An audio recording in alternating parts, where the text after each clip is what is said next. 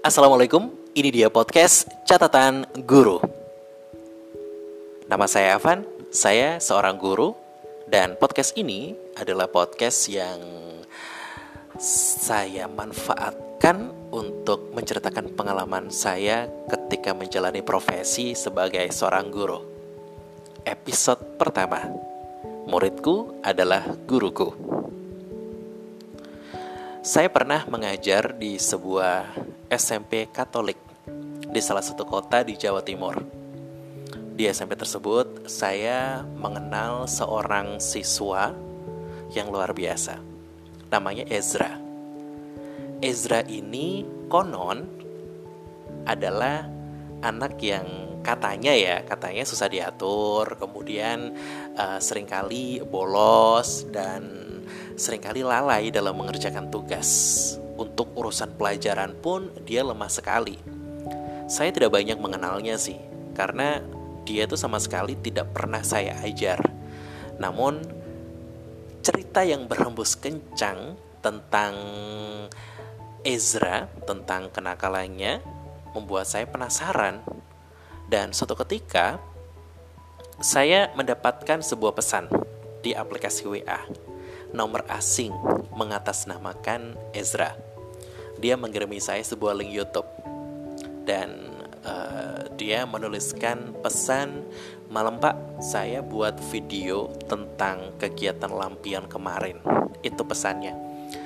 Jadi beberapa hari sebelum saya mendapatkan pesan tersebut, memang sekolah kami mengikuti festival lampion yang digelar rutin setiap tanggal 14 Agustus di kota kami. Dan saya tidak menyangka kalau Ezra waktu itu mengabadikan setiap momen pada uh, kegiatan lampion tersebut. Saya cukup takjub dengan videonya.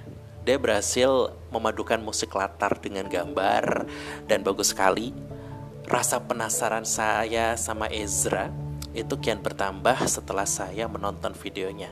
Dan yang saya lakukan untuk mengobati rasa penasaran tersebut adalah dengan stalking channel YouTube-nya. Rupa-rupanya, siswa yang waktu itu kelas 2 SMP itu sudah hobi membuat video sejak lama. Video yang ia unggah itu banyak sekali. Dan beberapa hari setelah saya menonton video tersebut, saya sempat ngobrol dengan Ezra di waktu istirahat dan dia tuh cerita kalau dia sudah tergabung dalam komunitas youtuber di kota saya gitu. Dan sepertinya dia cukup serius ya pengen menjadi youtuber. Karena saya lihat di mana pun kapan pun dia tuh selalu membawa kamera mengabadikan setiap momen yang ada. Dan akhirnya saya pun berpikir untuk uh, melibatkan Ezra dalam membuat project-project video dia pun selalu mendapatkan tanggung jawab dalam mengabadikan setiap momen kegiatan sekolah dari peringatan hari guru, pesta Natal, hingga acara buka puasa bersama. Puncaknya, saya mengajak Ezra membuat video tentang promosi sekolah untuk keperluan PPDB. Seperti biasa, dia menyambut proyek tersebut dengan rasa suka. Bersama ekskul teater yang saya bina, kami melakukan setiap langkah dalam pembuatan karya tersebut. Lagi-lagi, Ezra membuat kejutan dengan video yang dihasilkan. Bagus sekali kawan. Dan sempat seluruh warga sekolah memberikan apresiasi positif terhadap video tersebut. Juga terhadap Ezra atas keahliannya. Nah, seringnya saya berkomunikasi dengan Ezra membuat saya lambat laun jatuh cinta dengan dunia pervideoan. Kerap saya mencuri ilmu dari Ezra dengan memperhatikan bagaimana dia mengambil gambar, bagaimana dia menentukan musik latar, bagaimana dia menggabungkan beberapa file video dan lain sebagainya. Saya banyak belajar.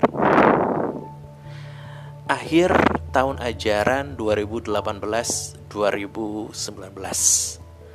saya harus meninggalkan sekolah tersebut karena saya dinyatakan lolos seleksi CPNS dan harus ditempatkan di luar kota, yaitu di kota Jombang.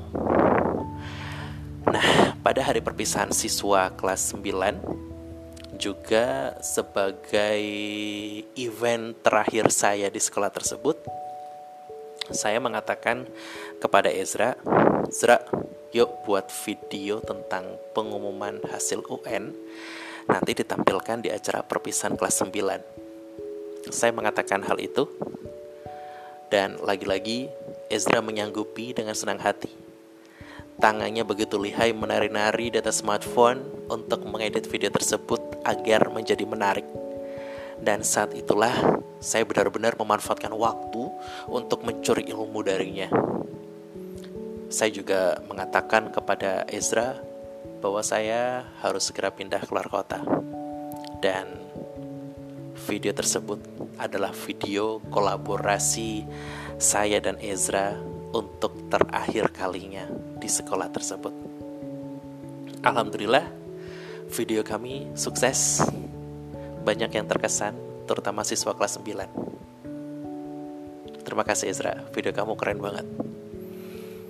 Oke, selang dua atau tiga hari ya setelah perpisahan kelas 9 saya pun pindah ke Jombang namun komunikasi saya dan Ezra masih berlanjut via aplikasi pengirim pesan sampai sekarang meski berjauhan saya kerap menanyakan hal-hal teknis yang tidak saya ketahui mengenai edit video dan Ezra dengan senang hati memberitahu Bahkan beberapa kali dia meminta saya menjadi pengisi suara dalam video-videonya. Tentu saya menyanggupi. Ia mengirimkan skrip dari Bali, tempat ia melanjutkan pendidikan ke jenjang lebih tinggi. Sementara saya mengisi suaranya di Jombang. Kolaborasi yang berjarak ratusan kilometer membentang Bali dan Jombang. Ezra sekarang dia sudah duduk di bangku SMK kelas 10 atau kelas 11 saya lupa tepatnya kelas berapa. Tapi yang jelas komunikasi kami masih berjalan sampai sekarang. Dan saya sempat sangat bersyukur bisa mengenal Ezra sampai sekarang saya sangat bersyukur bisa mengenal sosok siswa seperti Ezra meskipun statusnya siswa tapi sejatinya dalam hal edit video ya, dia adalah guru saya. Pernah saya memenangkan sebuah kompetisi video, juara dua, skala nasional, dan saya nggak bisa mencapai prestasi itu tanpa ilmu-ilmu yang saya curi dari sosok siswa luar biasa bernama Ezra. Dan podcast ini bermuara pada satu kesimpulan bahwa siapa pun bisa dianggap sebagai guru oleh orang lain. Bahkan, murid pun bisa menjadi guru bagi gurunya. Seperti Ezra.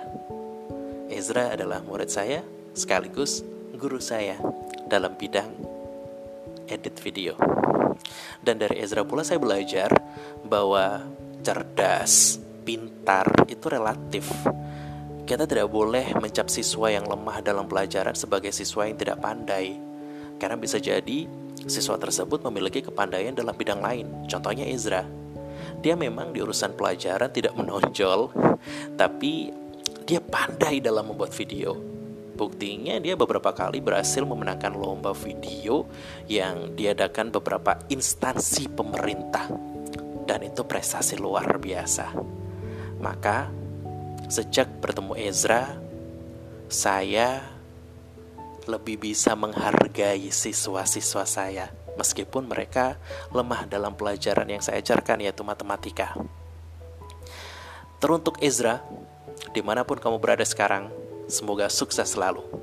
Lakukan yang terbaik sesuai passionmu, jangan lupa ke gereja, ibadah, dan terus banggakan orang tua kamu dengan prestasi-prestasi luar biasa. Doa saya selalu menyertai dari kejauhan dan semoga kelak kita bisa bertemu entah 10 atau 20 tahun lagi tapi dalam kondisi yang berbeda Dan kondisi berbeda itu dalam artian kita sama-sama dalam kondisi yang lebih baik daripada sekarang. Oke, demikian podcast catatan guru episode pertama. Muridku adalah guruku. Wassalamualaikum.